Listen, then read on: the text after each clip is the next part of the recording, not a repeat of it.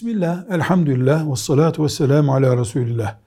Bir kardeşimizin itirazvari bir sorusu var. Kapitalizme neden karşı çıkıyorsunuz diyor. Hocalar niye kapitalizme karşı çıkarlar diyor.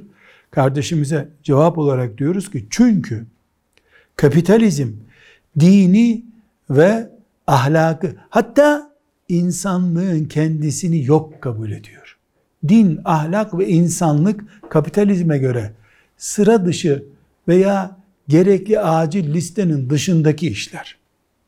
Ve kapitalizm bir azınlık grubun eline bütün insanlığı teslim ediyor.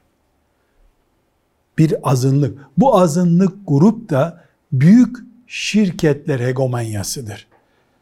7 milyar da olsa insanlık, 17 milyar da olsa 17 şirkete en fazla teslim ediyor onu. Diğer şirketler de o şirketlerin kölesi.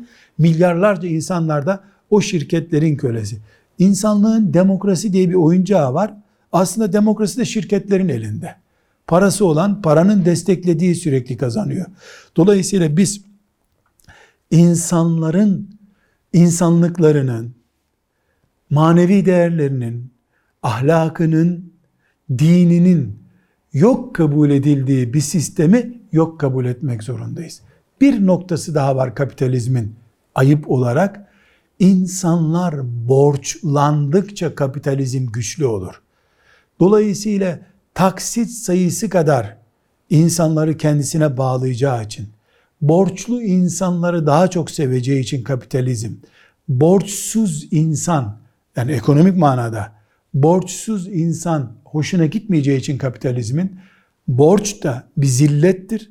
Dolayısıyla biz kapitalizmin borçlu insan isteyen mantığına karşı olduğumuz için kapitalizme de karşıyız. Allah için karşıyız. Velhamdülillahi Rabbil Alemin.